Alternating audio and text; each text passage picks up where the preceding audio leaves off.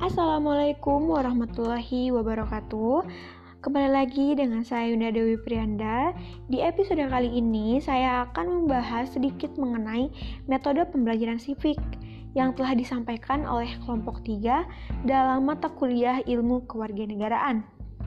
Menurut saya, di zaman sekarang ini sudah memasuki era globalisasi dan tentu saja setiap orang sudah menjadi modern berbeda berbeda sekali dengan zaman-zaman sebelumnya.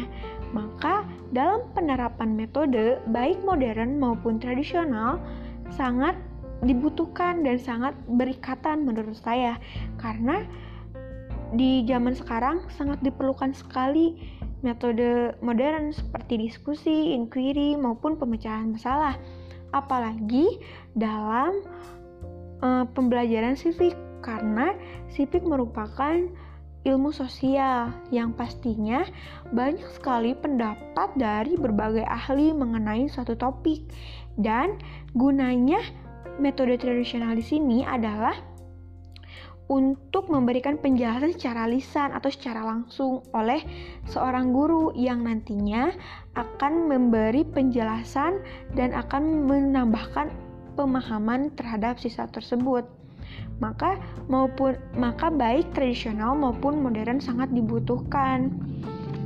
Lalu dalam fakulti psikologi maupun field psikologi sama saja karena melatih siswa berpikir dengan cara menghafal atau mengarahkan dan menahasi secara teratur itu memang benar karena setiap siswa memang perlu dinasehati apakah pemahamannya sudah menuju hal yang benar ataupun melenceng dan gunanya seorang guru untuk memberikan nasihat secara baik.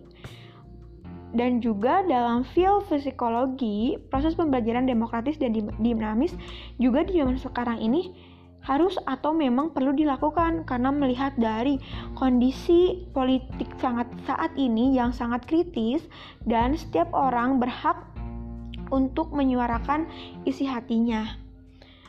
Menyambung dari pertanyaan Nola uh, dalam penerapan dalam penerapan metode modern apakah ada tenggat umumnya? Umurnya menurut saya tidak ada karena setiap orang atau setiap jenjang dapat melakukan metode maupun tradisional ataupun modern karena harus ada guru yang mendampinginya. Sekian, terima kasih. Wassalamualaikum warahmatullahi wabarakatuh.